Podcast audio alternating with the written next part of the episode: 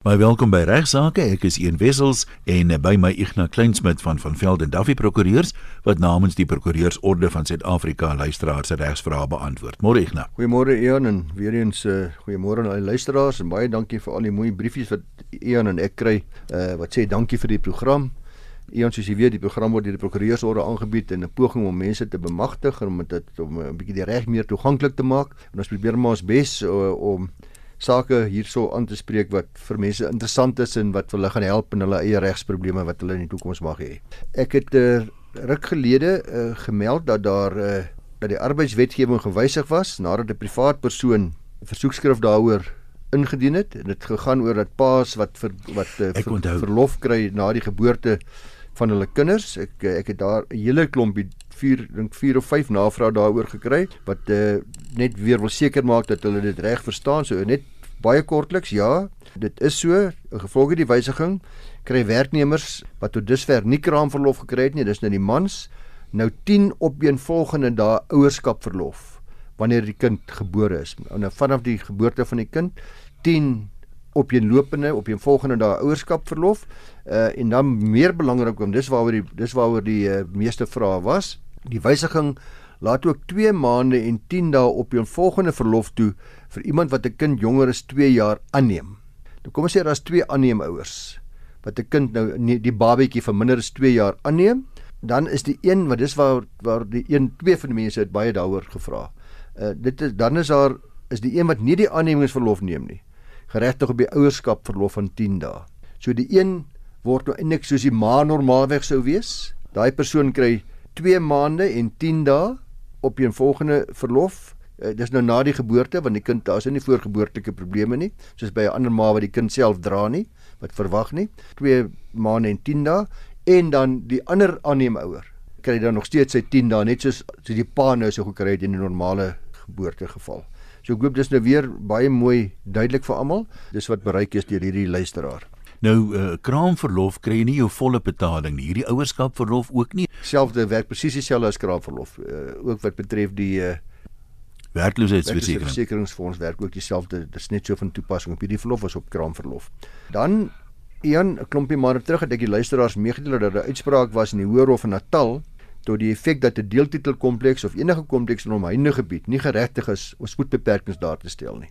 Sal onthou dit die hof het bepaal dat hulle die plig te oorneem van 'n lid van die uitvoerende raad vir daardie area van vervoer, die MEC MEC van vervoer, asook die plaaslike munisipaliteit. Dit was die geding tussen die bestuursvereniging van die Mount Edgecombe Country Club Estate en een van die inwoners meer sien nadat sy dogter 3 spoedboetes ontvang het omdat sy die 40 km/h beperking in die kompleks oorskry het.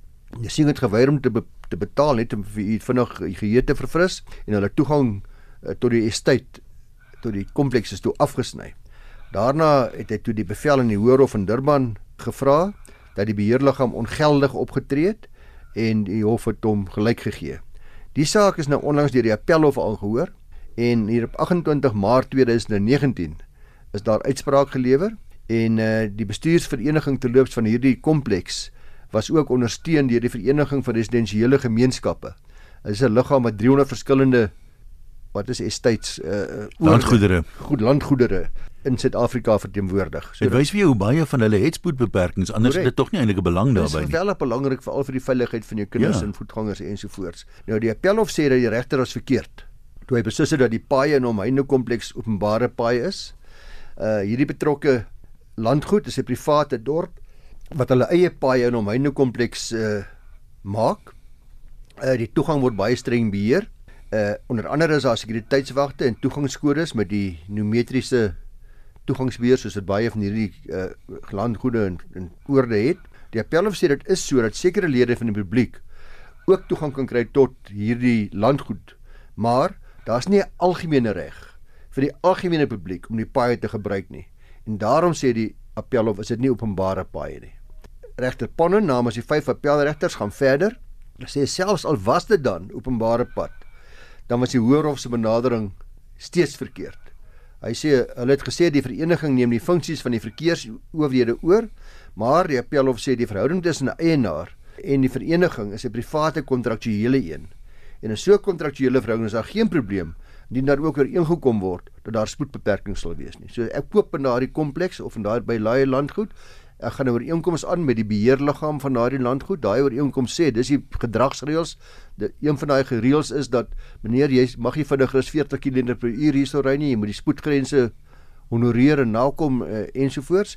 Pelhof sê geen probleem nie, dis 'n gewone kontraktuele ooreenkoms.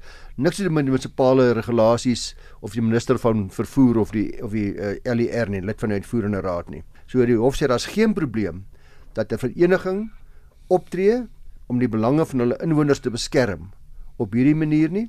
Die appelhof sê dis hulle stem nie saam dat daar op enige wyse daarteenoor beswaar gemaak kan word nie.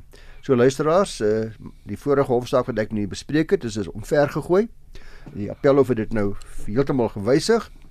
Dit is duidelik dat indien daar behoorlike toegangsbeheer is in die kompleks waarin u woon, behoorlike omheining en daar's behoorlike toegangsbeheer, dan is u beheerliggaam geregtig om spoedbeheer toe te pas in belang van die inwoners en om boetes te hef by oortreding. En meneer Singh gaan seker nou grond grondwetlik hof toe. ja. Ja, ja, hierdie was nou die appelhof gewees, so hy kan seker nou dit uh, daar gaan verder. Dis vir my altyd uh, opvallend hoe baie van hierdie relletjies as 'n mens dit so kan noem beland op die ou end in 'n hoë hof. Ek weet nie of die koelie sous werd is nie. As jy nou, wat is meneer Singh se probleem nou eintlik? Voel hy sy dogter kan ry so vinnig soos hy wil en dis nie 'n probleem nie. Dis tog nie iets wat 'n mens kan regverdig dink ek nie. Ja, so. Eh uh, dan as mens nou regtig praat wil nog 'n bietjie huismoles eh uh, ouers se gedrag by sportbyeenkomste. Altyd vir my een van die lekkerste goed om te kyk hoe die ma's rondhardloop en skree en hoe die pa die skeieregter wil voeter en hoe dit en dat gebeur. Ons het op loslip 'n paar keer daaroor gepraat en die stories wat mense jou vertel. Nee, dat jou hare rys ja. bytelmal. Nou almal van ons geniet dit om ons kinders uh, se sportbyeenkomste by te woon of as kleinkinders inne. Maar sien ons gereeld dat ouers hulle op 'n onvanpaste wyse gedra en hulle kinders vir kleinkinders ondersteun op 'n wyse wat nie gepas is nie. Hierdie ouers skree op hulle kinders uh, of hulle spanmaats blameer en dreig die afrigters bevraagteken besluite ensovoorts ensovoorts.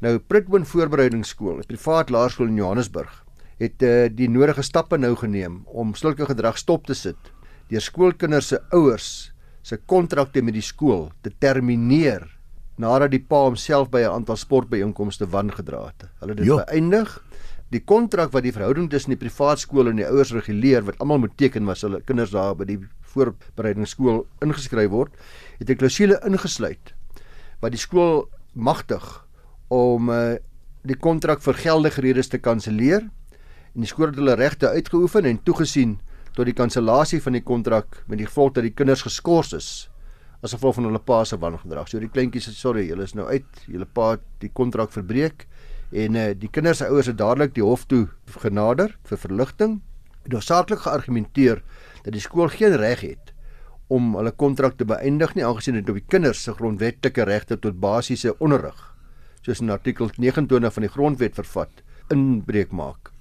Hulle het verder geargumenteer dat die skool nie in die kinders se beste belang soos voorgeskryf weer eens in die grondwet artikel 28 se artikel 2 opgetree het nie. Ek wonder of die pa dink hy het in die kinders se beste belang opgetree, ja, maar dit het daar ja. laat. Die hof het bevind dat die plig om basiese onderrig aan kinders te verskaf by die staat lê, dit is so. Hierdie grondwetlike reg tot basiese onderrig sluit nie die reg tot onderrig aan 'n onafhanklike privaat skool nie. Onthou hierdie was 'n onafhanklike privaat skool in. Sê dit is nie die reg wat word wat gewaarborg word in die konstitusie nie. Dit is nie deel van daai reg nie. Die hof het verder bevind dat die skool inderdaad in die kinders se beste belange opgetree het, deur nie net die belange van die twee geskorste kinders te oorweeg nie, maar ook die belange van al hulle medeleerlinge wie baie negatief deur die ouers se gedrag geaffekteer is en die swak voorbeeld wat gestel word. So hierdie aangeleentheid sê die hof moet 'n waarskuwing dien aan alle ouers. Ouers moet hulle gedrag by skool by inkomste aanpas en en te verseker dat hulle nie hulle self skuldig maak aan wangedrag wat verrykende gevolge het nie. So in Netedop uh, luisteraars, in hierdie geval is dit 'n privaat skool, let wel, dit is nie noodwendig dat die uitspraak dieselfde gewees in 'n openbare skool nie, maar hier waar die privaat skool is, daar 'n kontrak was, sê die hof waar ek my kind inskryf in die privaat skool, is ek gebonde aan daai kontrak en dit wat in daai kontrak staan wat die ander ander kontraksparty geregtig maak met kansellasie is heeltemal afdwingbaar. So ek het nou gesien onlangs uh, hierdie is nou al 'n rukkie terug wat hierdie saak bespreek is. Ek het in die pers gesien daar is appel aangeteken. So ek sal u op hoogte hou van wat die appel of souer sê. Ek dink die appelle was nog nooit sy hele bestaan so besig nie, want dit voel vir my baie min mense aanvaar 'n hooggeregshof uitspraak. Daar's omtrent meeste van die tyd 'n appel. Ja, so as iemand dalk nou by hierdie skool betrokke is, daar hier in Johannesburg en u weet nou wanneer die appel aankom en wanneer hy gehoor is, laat my weet asseblief. Ek kan seker maak dat ek die appel of uitspraak met ons luisteraars deel. Is 'n interessante saak. Ek nou by ffd.co.za. Ek nou net op daai punt. Ek ek sukkel verskriklik om dit te verstaan.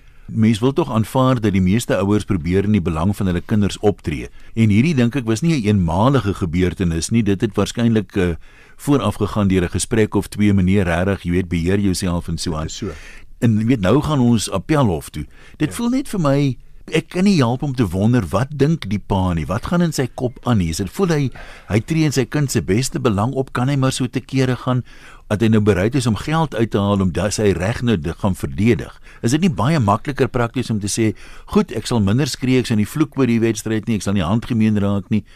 Ek meen gedra jy net soos 'n normale mens. Ek dink die meeste ouers sal volmondig met jou saamstem.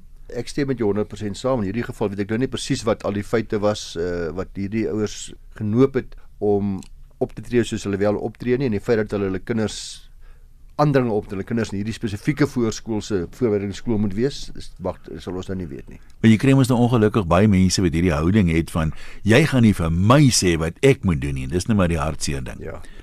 Luisteraars, uh, ons is al siek en sat en oorlaai met stories van bedrog en korrupsie wat so volop is in ons land en uh, vandag wil ek net 'n bietjie aanraak aan sommige van die beginsels by vonnisoplegging waar 'n beskuldigde skuldige bevind is aan bedrog uh, en hoe ernstig dit is. Dis nie saak van skols en ander uh versus S. Dis dit in die einde van 2018 was die uitspraak gelewer waar die partye wat skuldige bevind is aan bedrog geappeleer het teen die minimumfondse wat in hulle opgelê is. Die andere die saak het afgespeel in die Noord-Kaap waar twee besigheidsmense 'n geleentheid gesien het om geboue aan die provinsiale regeringsdepartemente wie tekort aan nodige infrastruktuur gehad het as verblyf en werkspersele te verhuur. Alhoewel die partye 'n goeie besigheidsmodel in gedagte gehad het, was die sluiting van die huurooreenkomste met die staat deurspek met onreëlmatighede. Uh die staat was uh privaat deur die twee partye en sonder enige formele uitnodiging tot aanbiedinge genader uh, waarna die terme van die huurooreenkomste te onderhandel is. So hierdie twee manne gaan, hulle gaan na die departement en sê hoor jy ons het hierdie geboue vir julle. Dit kan dis wat ons vir julle kan doen. Die partye is toe eintlik vasgetrek. Ek gaan nou nie sê wat al die onreëlmatighede was nie, maar en gefonnis tot 15 jaar tronkstraf. Dis teen hierdie vonnis van 15 jaar tronkstraf waarteen die partye geappeleer het. Gegee die feit uh, dat die aanklagtes teen die twee partye onderskeidelik 500 000 rand in waarde oorskry het, die die beweerde bedrog bedra, beteken dit dat deel 2 van die tweede skedule van die wysigingswet op strafreg, dis die wet van 1997 van toepassing is. En hierdie wet bepaal dat daar dan in geval van bedrog waar daar meer as 500 000 rand betrokke is, uh, 'n minimumvonnis van 15 jaar opgelê moet word. Tensy daar wesenlike en dwingende redes bestaan wat die oplegging van 'n mindere vonnis regverdig. So die howe word dus wel met 'n mate van diskresie gelaat om van hierdie minimumvonnis af te wyk, maar slegs in omstandighede waar daar werklike oortuigende redes, die bepalinge is wesenlike en dwingende redes bestaan vir 'n mindere vonnis of 'n laere vonnis. In hierdie betrokke geval kon die hof geen sulke verdere versagtende omstandighede uh, vind of enige feite bevind wat genoeg gewig gedra het om 'n afwyking van die voorgeskrewe minimumvonnis te regverdig nie en het die hof inteendeel eerder die erns van die misdaad beklemtoon en die appel met kostes van die hand gewys. So die hof wys daarop weer eens hoe ernstig bedrog en korrupsie is. Uh, bedrog en korrupsie is misdade wat deur die bank met baie groot erns deur ons howe hanteer moet word, veral waar staatsinstansies en openbare fondse betrokke is. Ek dink daarmee stem ons almal 100% saam. Hierdie misdade het 'n onmoedigende effek sê die hof op standaarde in die besigheidswêreld en op regverdige manier van besigheid doen. So die hof uh, se uitspraak glo ek en hierdie president uh, word dus deur ons almal wat luister waarskynlik en wat ons nie met drogskuldig maak nie word verwelkom en ek hoop dat mense kennis neem daarvan dat uh 15 jaar gevangenisstraf sê die appelhof is 'n baie billike voorstel is dit 'n minimum voorgeskrewe vonnis vir mense wat bedrog pleeg en, en veral waar openbare gelde betrokke is? Ek wonder partymal dis nie so sulke maklike misdade om te bewys nie. En ek weet nie hoeveel aanklaers dit werklik die agtergrond nie want dikwels moet hierdie goed met jy bietjie handelsagtergrond rekenkundige insig hê. Ek dink dis 'n 'n groter uitdaging om suksesvol te vervolg vir korrupsie sê nou maar as vir diefstal. Daar's geen twyfel daaroor nie. Uh ons by die prokureursorde is altyd uh en ook nou by die raad van Malies baie bekommerd oor die feit dat sake so lank sloer sodra daar byvoorbeeld wanaanwending van trustgelde was want dit is ingewikkelde forensiese ondersoeke wat moet plaasvind en mense wonder altyd uh of die polisie die normale polisie wat nie 'n opgeleide ouditeur is nie ensovoorts nie is net nie in staat om daardeur te werk nie. Vroeger was ons 'n handelsmisdaad ja, eenheid, is dit ontbind. Daai eenheid vir ernstige ekonomiese misdade. Ek het onlangs gesien daar is weer pogings om sekere groepe te identifiseer wat spesifiek met hierdie soort misdade werk en ek dink dit is die pad om te gaan. En dieselfde geld natuurlik ook vir die uh, nasionale vervolgingsgesag. Daar's ook eenhede onder hulle wat spesifiek konsentreer om hierdie ernstige ekonomiese misdade te vervolg. Dankie. So daar word pogings aangewend. Dan eh uh, luisteraars eh uh, ondanks is 'n persoon daar in Oos-London deur 'n hof uh, beveel om R50000 in skade te betaal aan die eienaar van 'n gastehuis vir eh uh, criminal injuria nadat hierdie persoon ene meneer Gary Rieger vir die gastehuis eienaar uh, baie lelike woord toegesnou, die sogenaamde P-woord. Politikus. Die ander een, die vier letter P woord. O, goed. En vir hom gesê het hy moet teruggaan na Duncan Village toe. Ek het nie die hofsaak self gelees nie, maar dit is 'n verslag van die Daily Dispatch daar in die Oos-Kaap. Dat die Oos-Kaapse Hooggeregshof uh, het 'n waarnemende regter Victor Ngumze bevind dat 'n man se waardigheid baie duidelik aangetast sal word en dat hy beledig en verneder sal wees wanneer hy 'n uh, vrou se genitalie toegesnou word. Uh, hy sê ook dat om vir 'n man te sê hy moet teruggaan na Duncan Village toe, 'n uh, duidelike rasse konnotasie het wat ook beskou moet word as beledigend. So die regter Ngumisi Ngumze sê dat die verweer dat om iemand so lelike woord toe te snou is maar net 'n betekenlose vloekery. Sê gaan nie af nie. Hy hy hy, hy koop dit nie. Hy sê die definisie van hierdie woord is dat dit genitalie is, privaat en seksuele gedeeltes van 'n vrou en hy sê 'n man wat so genoem word uh, is beslis geregtig om te sê dat sy dignitas aangetast was, sy waardigheid aangetast word en dat, dat daar 'n juria teenoor hom plaasgevind het. Meneer Rieger was ook beveel om die kostes van uh, die ander party te betaal. So jy moet maar wag voor die mond hou, né? Sê die Bybel se mooi in die ou vertaling 'n sagte antwoord keer die grimmigheid af. Dis baie waar. Dan het ek 'n briefie gekry van 'n Engelse briefie van mevrou Westcott. Maar uh, sy sê haar man is oorlede en sy en haar dogter, asook twee kleinkinders, is begunstigdes van 'n trust. Haar skoonseun is egter baie dominerend van aard en sy vrou, dis nou haar dogter, uh, doen ter wille van die vrede maar alles wat hy sê. Nou sy is duidelik baie bang dat die twee kleinkinders benadeel gaan word as die trust tot 'n einde kom en die skoonseun sy hande op die geld kry. Sy sê die bank en 'n prokureur is trustees Sy sê sy is eintlik ook 'n trustee, maar sy weet nie regtig wat aangaan nie en sy woon nie die vergaderings by nie en sy en die dogter kry maandeliks geld van die trustees. Maar 'n belangrike vraag is luisteraars, 'n vraag is wanneer word hierdie trust beëindig? Wanneer eindig die trust? Want sy sê as sy en haar dogter albei gesterf het, sal die trust dan beëindig word of gaan die trust beëindig as al die begunstigdes eers gesterf het? Want sy sê dis vir haar baie belangrik om te weet of die geld uiteindelik dan by haar skoonseun gaan beland terwyl die kinders nog lewendig is die klein kinders. Nou luisteraars, uh, hierdie luisteraar ook in ons reg is daar twee tipe trust, dis die testamentêre trust wat ons uh, in 'n interviews trust. Die testamentêre trust word in 'n testament gestig. Dink interviews beteken tussen lewendes. Dis reg tussen lewendes. In ander woorde, terwyl ons trust ons familie trust wat ons nou al reeds het. Beide tipe trust eindig of sterf nooit nie. Hy sterf, hy sterf nie soos wat 'n ander mens sou sterf soos 'n natuurlike persoon sterf nie. Uh hy sal vir altyd bestaan, maar dit word ondersteun deur die wet op die beheer van trustgoed, maar dikwels sal die trustakte self bepaal wanneer die trust dan beëindig kan of sal word. Nou die mees algemene bepalinge is daar's 'n paar dinge wat jy gereeld in trustakte skryf. Uh die mees algemene is byvoorbeeld dit mag eindig sodra al die trustbates verdeel is. Daar's geen sin meer om die trust om voort te bestaan nie. Nog een is by die plaas van van 'n van 'n spesifieke gebeurtenis in die toekoms. Sê dan maar wanneer die jongste kleinkind 25 jaar oud is of wanneer dit of dat gebeur wanneer my vrou nie meer onderhoudsbehoevend is nie of uh, wanneer die plase getransporteer is of wat dit nogal dit mag wees. Daar's allerlei klousules daarin. Dit mag ook eindig soms sê die trust na goeddinke van die trustees of deur 'n besluit wat die begunstigdes aanvaar het met goedkeuring van die begunstigdes. Daar's dus diskresie dan of dit mag eindig sodra die hoofdoel daarvan bereik is, sê net maar 'n dorsgebied wat ontwikkel moes word deur die trust se gelde. Nou sê ontwikkel en dan word die trust beëindig. 'n ander beskikbare opsie is natuurlik altyd wat trustees altyd het.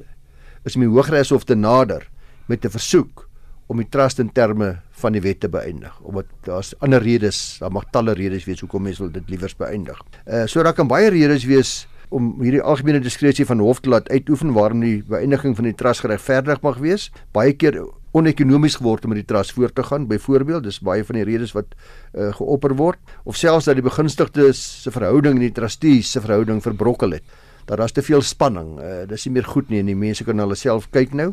Uh en die bestuur van die trust het onmoontlik geraak. Maar oor die algemeen, indien jy goed opgestelde trust het, sal daai trust baie duidelik voorsiening maak vir presies waar en hoe en wanneer die trust beëindig moet word en uh, behoort ook as hy goed opgestel is, behoort ons dame hierdie eh, die brief van mevrou Westcott behoort sy nie bekommerd te wees nie want die kans is uitstekend neem hierdie trust akte na jou prokureur toe dat hy vir u gaan dit mooi gaan interpreteer mevrou. En hy sê hopelik gerus stel die kans is goed dat die kleinkinders beskerm is. Die kans is goed dat uh, dat die on, daar's twee onafhanklike trustees. Sy sê die prokureur en die bank. Dit wys al klaar daar is gepoog om om nie inmenging te hê van ander mense in hierdie trust nie. En die kans is baie goed dat hulle sal seker maak dat die kleinkinders wat begunstigdes is en nie die skoonseun wat nie begunstigde is en dat hulle behoorlik versorg sal word tot tyd en wyl die trust beëindig en dat die kapitaal dan sal gaan na die begunstigdes toe eers op 'n stadium wanneer hulle in staat is om dit self behoorlik te administreer. So ek wil nie vir julle sê dis wat die trust akte staan nie, maar soos ek sê die kanse is baie baie goed dat dit so sal wees. Net die ander ding wat ek vir u dame wou sê, Sy sê sy is nie reg, sy is 'n trustee, maar sy is nie regte betrokke nie. Mevrou, u moet betrokke raak. Dis waarvoor die eerste trustee aangestel is. U moet vergaderings gaan bywoon. U moet seker maak dat hierdie trust akte ook verstaan, want as u in belang van die kleinkinders wil optree, is dit belangrik dat u ook vir die ander twee trustees moet behulpsaam wees om te sê wat die kleinkinders se behoeftes is. Ja, jy kan net in hulle belang optree as jy weet wat aangaan. Ja, presies. En sy het duidelik besluit sy het seker om op 'n stadium maar net belangstelling verloor, maar ek dink sy is met reg nou bekommerd en sy moet haarself gaan vergewis dat daar nie rede vir bekommernis is nie. En as daar rede vir bekommernis is, dan moet sy 'n prokureur gaan sien om dit reg te stel. Ek nou ons gaan nie tyd hê vir nog een nie. Dis dit vir vandag se regsaake. Baie dankie aan jou. Luisteraars kan nou die pot gooi van elke regsaake program gaan luister op RSG se webwerf rsg.co.za en as jy vra het wat jy wil hê ons moet in die toekoms bespreek, stuur dit sommer direk vir Ignas by igna@ffd.co.za.